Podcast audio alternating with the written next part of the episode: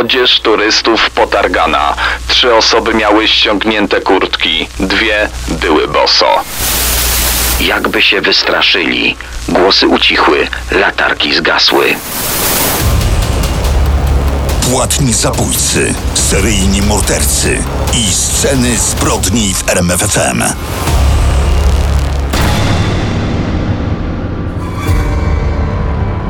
Dopiero co był odcinek specjalny na długi majówkowy weekend, a tu już proszę ostatni majowy odcinek podcastu Scen Zbrodni. Ale Daniel, nie ma w ogóle się czego obawiać. Podcast Scen Zbrodni brzmi naprawdę dobrze w każdym miesiącu roku i w każdych okolicznościach przyrody, a w dzisiejszym odcinku będą one naprawdę wyjątkowe, bo zabieramy naszych słuchaczy w góry. W góry śmierci. Zostańcie z nami. Daniel Dyk i Kamil Barnowski prezentują Sceny zbrodni w RMFFM. Dzisiaj góry śmierci. Góry to jest w ogóle środowisko wysokiego ryzyka. Tutaj nawet najbardziej doświadczeni zdobywcy, wychodząc na szlak, nie wiedzą, czy wrócą cało, czy w ogóle wrócą. A co dopiero, gdy w góry wybierają się amatorzy, ale to sceny zbrodni, jak wspominaliśmy, a nie magazyn alpinistyczny. My powiemy o przypadkach, co do których są poważne wątpliwości, czy był to wypadek. Opowiemy m.in. o piątce mężczyzn, którzy na pierwszy rzut oka przypadkowo zbłądzili zimą w górach Kalifornii. Jednak to, co wykazało śledztwo, stawia tę sprawę wśród tych najbardziej tajemniczych w historii amerykańskich zaginięć. Historia z gór Hamar Daban na Syberii. Siedmioosobowa wyprawa pod kierownictwem wybitnej przewodniczki zakończyła się niewytłumaczalnym do dzisiaj dramatem. To są Sceny zbrodni w RMFFM. Ta sprawa znana jest w Stanach jako Yuba County Five, czyli piątka z hrabstwa Yuba. To niezwykle tajemnicza, pełna zagadek i zwrotów akcji sprawa zaginięcia pięciu mężczyzn. Bill Sterling, lat 29. Jack Hewitt, lat 24. Theodore Wire, lat 32. Jack Madruga, lat 30. I Gary Matias, lat 25. Zaznaczyć trzeba, że u tych panów stwierdzono lekkie upośledzenie umysłowe, schorzenia psychiczne i loraz inteligencji czwórki z nich oscylował w okolicach zaledwie 40 punktów, ale dzięki wsparciu rodziny nieźle sobie życiowo radzili. Skończyli szkoły, część miała pracę, dwóch z nich miało prawo jazdy. No i wszystkich połączyła pasja do koszykówki. Nie tylko kibicowali, ale także grali sami. Tworzyli zgraną drużynę Gateway Gators 25 lutego 78 roku. Czekał ich najważniejszy moment w ich sportowej karierze. Mieli wystąpić w turnieju koszykarskim sponsorowanym przez Olimpiadę Specjalną. Chcieli się pokazać z jak najlepszej strony. Ale dzień wcześniej postanowili wyskoczyć na mecz ich ulubionej drużyny koszykówki uniwersyteckiej UC Davis. Mecz wyjazdowy, więc wsiedli w samochód Jacka Madrugi i pojechali do miejscowości Chico dopingować swoich ulubieńców. To był świetny wieczór. Ich drużyna wygrała. Naładowani pozytywnymi emocjami wsiedli do auta i ruszyli w powrotną drogę do Yuba City. Zatrzymali się na chwilę w samym centrum Chico na zakupy. Dochodziła 22. Ekspedientka sklepu Bears Market chciała już zamykać, ale tuż przed zamknięciem właśnie ci panowie zdążyli wejść do środka. Zapamiętała ich grupę, weseli, głośni, nakupili sporo przekąsek, jakieś batoniki, napoje gazowane, kartoniki z mlekiem. Była lekko poirytowana, że przez spóźnialskich klientów nie może jeszcze iść do domu. Nie wiedziała, że jest ostatnią osobą, która widzi ich żywych. Ranek następnego dnia. Na policję zgłaszają się rodzice tej piątki mężczyzn. Część z nich nie zmrużyła oka. Całą noc czekali na powrót synów. Gdy okazało się, że żaden z tej piątki nie dotarł do swojego domu, wiedzieli, że coś musiało się stać. Policja wysłała patrole na trasę, którą mężczyźni jechali do Chico. Szukali porzuconego samochodu, ewentualnego miejsca, gdzie mogli wypaść z drogi. W końcu wracali ciemną zimową nocą, ale jednak żadnych śladów. Trzy dni później jeden ze strażników leśnych patrolujący tereny turystyczne zauważył samochód Mercury Montego, biało-turkusowy, stojący na poboczu. Normalnie uznałby, że to jakiś miłośnik miejscowych malowniczych tras narciarskich zaparkował tu by pobiegać na nartach, no ale przypomniał sobie, że właśnie takiego pojazdu od trzech dni szuka lokalna policja. Dał znać i rzeczywiście okazało się, że to samochód, którym podróżowała piątka przyjaciół. Zwykle mówi się, że po pasażerach nie zostało żadnych śladów, ale w tym przypadku przeciwnie. Śladów było bardzo wiele. I pojawiły się dwa główne pytania. Co auto robi 110 km od Chica, z dala od tras, którymi panowie powinni wracać do Yuba City? I przede wszystkim, co się z nimi stało? Ale o tym spróbujemy powiedzieć za chwilę w scenach zbrodni.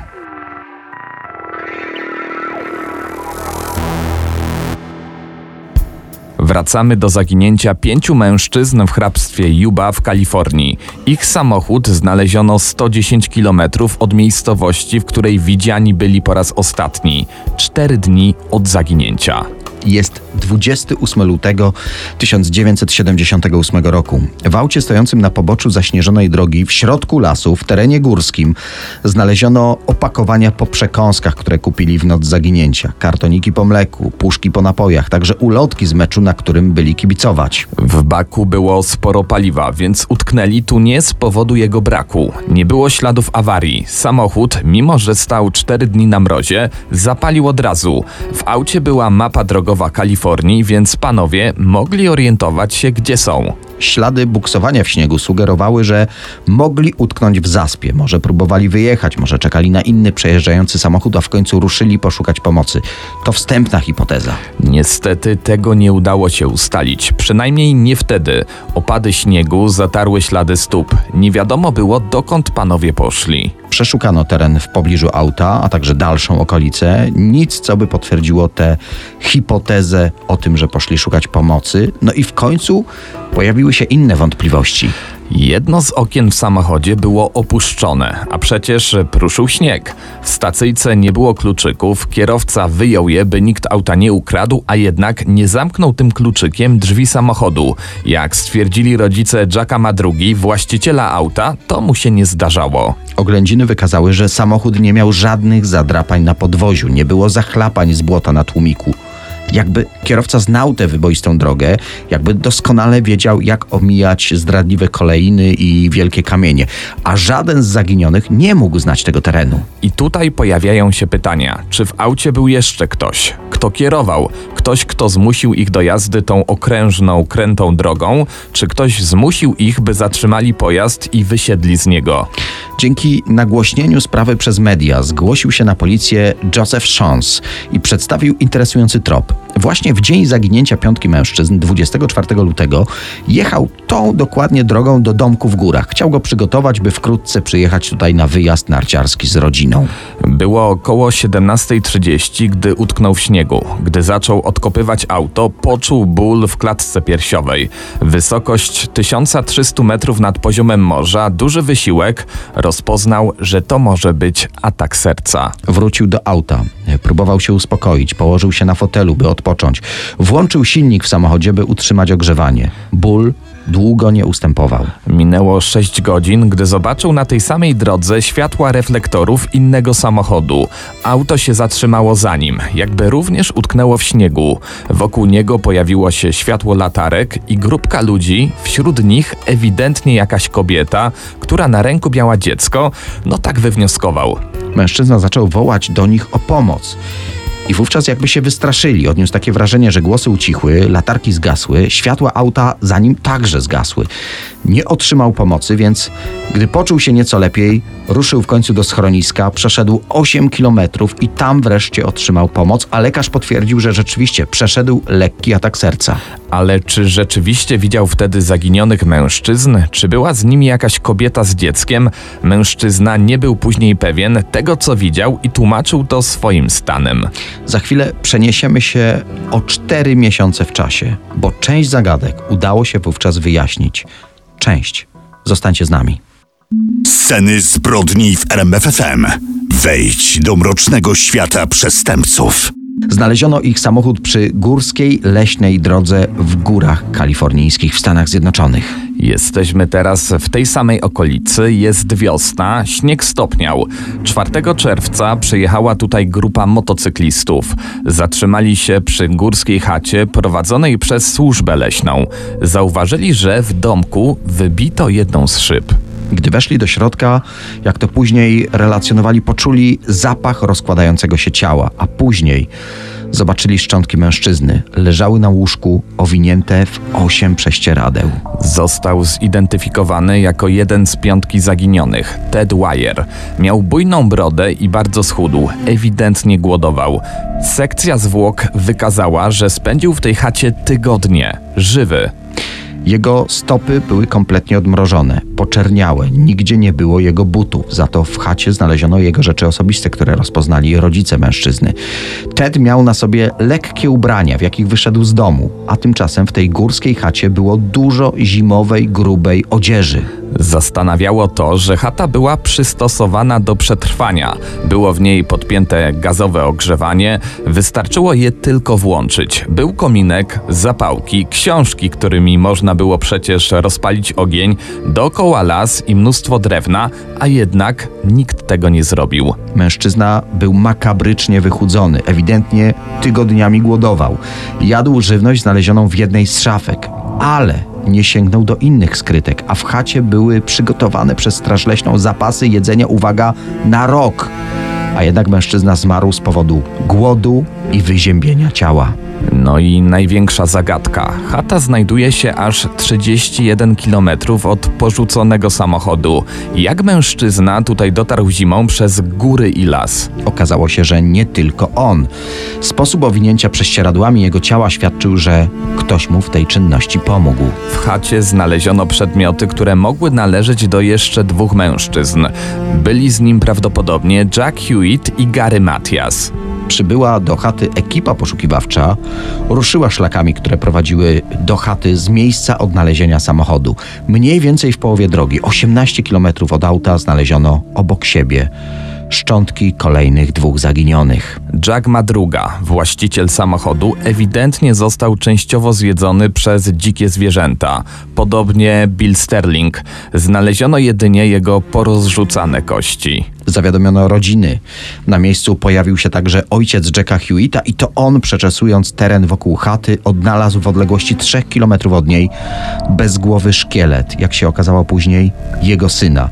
100 metrów dalej, następnego dnia, szeryf odnalazł brakującą czaszkę. Z kolei mniej więcej pół kilometra od chaty natrafiono na latarkę i trzy porzucone koce. Czy pozostawił je piąty z mężczyzn, czy to Gary Matias, jego ciała nigdy nie odnaleziono. Na podstawie tych śladów przypuszcza się, że po porzuceniu auta mężczyźni błąkali się po górach. Prawdopodobnie natrafili na ślady w śniegu, jakie dzień wcześniej zostawił strażnik leśny, który usuwał nadmiar śniegu z dachu tej chaty, aby się nie zawaliła. Poszli jego tropem, spodziewając się ratunku. Po drodze prawdopodobnie jeden z nich zasłabł z zimna, drugi zostałby się nim zaopiekować i ostatecznie obaj zmarli na skutek hipotermii. Pozostała trójka dotarła przez półtora metrowe zaspy do chaty w lesie 31 km marszu. Tu wybili szybę i schronili się w środku. Rodzice mężczyzn, znając ich charakter i upośledzenie umysłowe, zasugerowali, że ich synowie prawdopodobnie myśleli, że włamali się do jakiegoś prywatnego domu. Jak przypuszczają, z obawy przed aresztowaniem, no nie chcieli okradać go z wszystkich zapasów, nie szukali w szafkach ciepłej odzieży, nie odnaleźli składu pełnego jedzenia, bali się zapalić w kominku. A może nie umieli uruchomić centralnego ogrzewania?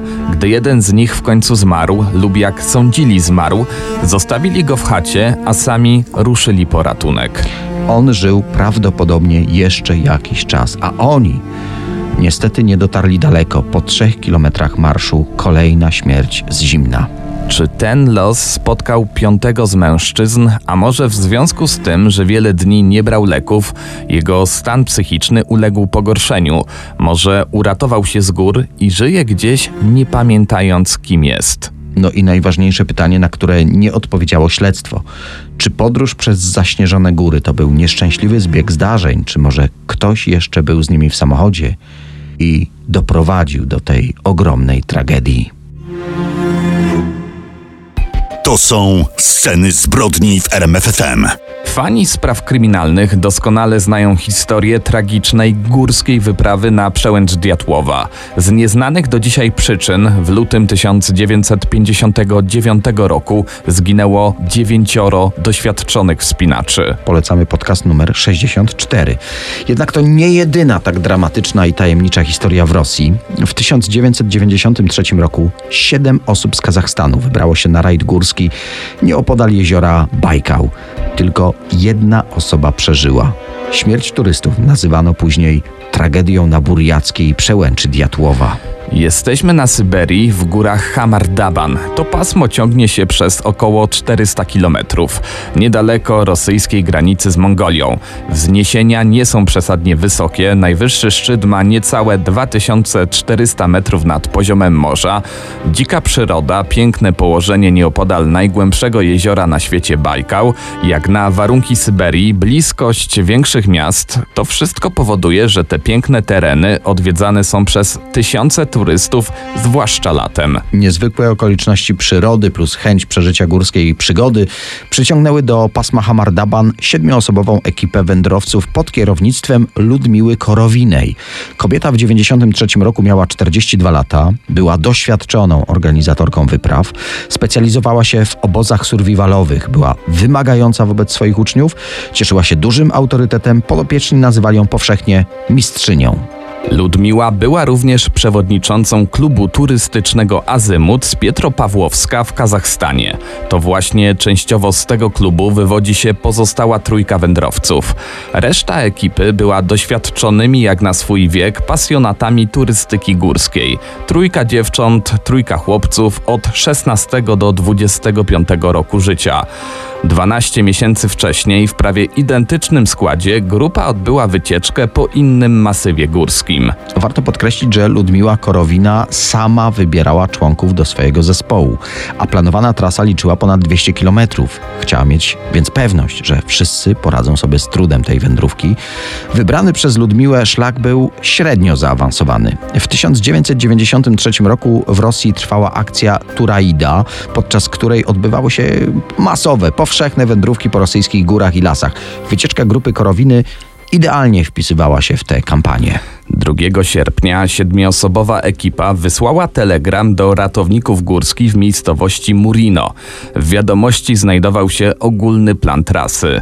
Prognozy wskazywały na idealną pogodę do wędrówki. Ludmiła Korowina dobrze znała góry Hamardaban, bo była tam pół roku wcześniej. Zapowiadał się więc doskonały wypad. Jednak prognozy prognozami, kto chociaż trochę był w górach wie, że one rządzą się swoimi prawami. Przez pierwsze dwa dni wszystko szło doskonale. Szybciej niż planowali zdobywali kolejne szczyty. Niestety 4 sierpnia nastąpiło totalne załamanie pogody. Deszcz, wiatr, śnieg. Pomimo tego, że był sierpień, w górach zapanowała zima. Ubrania i bagaże wędrowców były całkowicie przemoczone. Wieczorem, gdy turyści dotarli do płaskowyżu o nazwie Tretrans, 2200 metrów nad poziomem morza, pospiesznie rozbili obóz na nagim górskim zboczu ponad granicą lasu. Mimo trudnych warunków atmosferycznych, nic nie zwiastowało nadchodzącej tragedii. Wspominaliśmy, że 4 sierpnia nastąpiło załamanie pogody i turyści zostali zmuszeni do rozbicia namiotów na zboczu góry. Noc również nie należała do spokojnych. Wiatr potargał namioty i wyrywał stelaże. Rankiem mocno padał śnieg, wszyscy byli przemoczeni i skarżyli się na przejmujące zimno. Po szybkim śniadaniu i spakowaniu bagaży około 11 grupa rozpoczęła wędrówkę w kierunku rzeki Śnieżnej. To, co działo się później, najlepiej opisze relacja 17-letniej Walentyny Utoczenko. Po przejściu około 10 metrów nagle upadł idący na końcu Krysin. Próbowaliśmy go podnieść, ale upadł ponownie. Korowina nakazała reszcie kontynuować zejście, a sama została obok niego. Jednak prawie natychmiast zatrzymała grupę i poprosiła, aby ktoś do niej podszedł. Tania wyjęła namiot, a pozostali ukryli się pod nim. Podeszłam do Korowiny. Oczy Saszy były ogromne, bez świadomości. Z jego oczu i uszu sączyła się krew, a z ust piana. Korowina sprawdziła puls i stwierdziła, że jego serce nie bije. Poprosiła o sprowadzenie Wiki na dół. Zajęłam się tym, ale ona nagle mnie ugryzła. Zaciągnęłam ją do pozostałych. Tatiana zaczęła uderzać głową o kamienie. Denis schował się za kamieniami i zamknął w śpiworze. Podczołgałam się do Korowiny, ale nie oddychała. Próbowałam podnieść Timura. Kiedy zdałam sobie sprawę, że nikt nie porusza się, zaczęłam schodzić w dół do linii drzew. Ubrałam się i położyłam w śpiworze. Rano wróciłam na górę. Wszyscy byli martwi. Członkowie grupy łapali się za gardła, tarzali po ziemi i umierali. No po prostu horror. Ten niewytłumaczalny koszmar przeżyła tylko wspomniana 17-letnia Walentyna Utoczenko, której relację przytoczyliśmy. Przykryła celofanową folią ciała zmarłych uczestników wyprawy. Z plecaków zabrała żywność i mapę. Następnie kierowała się wzdłuż napotkanych linii energetycznych. Niestety domy, do których docierała, były opuszczone. Finalnie przerażonej Walentynie, która była już na skraju sił, udało się dojść do wspomnianej już rzeki Śnieżna. Tam dostrzegli ją przepływający kajakarze z Kijowa, którzy zaopiekowali się dziewczyną. No właśnie, ukraińscy kajakarze 19 sierpnia dotarli do miejscowości Sludianka. Tam poinformowali ratowników górskich o tragedii, która wydarzyła się w górach Hamardaban. Poszukiwania rozpoczęły się dopiero pięć dni później, ponieważ przerażona Walentyna nie była w stanie opowiedzieć, co się stało. Poszukiwania ciał sześciu osób trwały dwa dni. Z helikoptera wypatrywano celofanowej folii, którą ocalała 17-latka miała przykryć te ciała. Gdy ratownicy dotarli na miejsce, zastali wstrząsający widok. Film z tej akcji poszukiwawczej dostępny jest w serwisie YouTube. Opuchnięte ciała były już w zaawansowanym stopniu rozkładu. Odzież turystów była potargana. Trzy osoby miały ściągnięte kurtki, dwie były boso. Śpiwory, plandeki i plecaki porozrzucane obok ciał. Dlaczego turyści nie próbowali się ogrzać w ten bardzo zimny dzień i co doprowadziło do śmierci sześciu młodych i zdrowych osób? Na te pytania postaramy się odpowiedzieć za moment w scenach zbrodni. Z raportu sekcji zwłok wynika, że wszyscy zginęli z powodu hipotermii, poza kierowniczką wyprawy Ludmiłą Korowiną. Przyczyną jej zgonu był atak serca. Turyści mieli posiniaczone płuca. W ich organizmach odnotowano brak składników odżywczych, zwłaszcza glikogenu. W opinii lekarzy niedożywienie i bardzo trudne warunki atmosferyczne doprowadziły do ogólnej hipotermii, która była przyczyną zgonu. Śmierć sześciu turystów została uznana za przypadkową, dlatego nie prowadzono śledztwa w tej sprawie. Według relacji świadków, Korowina uprawiała turystykę ekstremalną. Bardzo szybkie tempo marszu, minimalne bagaże i racje żywnościowe. W skrócie taka szkoła przetrwania. Z późniejszych badań wynika, że na każdą osobę w zespole Korowiny codziennie przypadało jedynie 510 gramów żywności. Przy tak ekstremalnych warunkach atmosferycznych kalorii ledwo wystarczało na ogrzanie organizmu, a co dopiero na wymagającą wędrówkę. Zastanawiacie się pewnie, jak wytłumaczyć ten atak paniki w grupie i krwotoki z twarzy.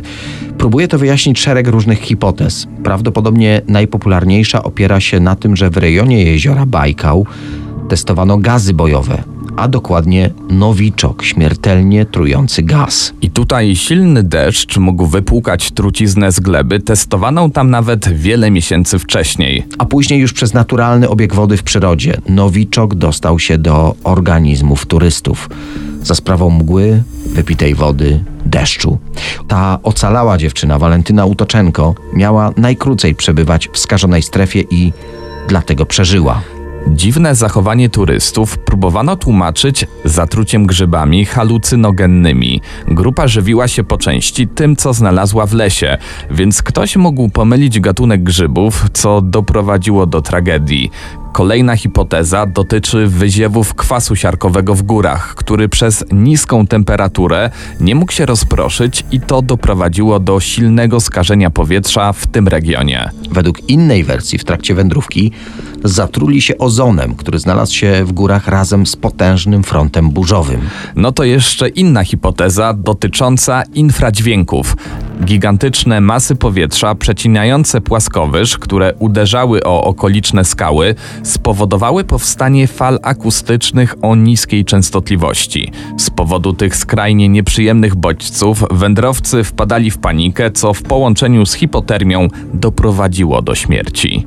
Oczywiście potencjalnych przyczyn dramatu w górach Hamardaban jest znacznie więcej.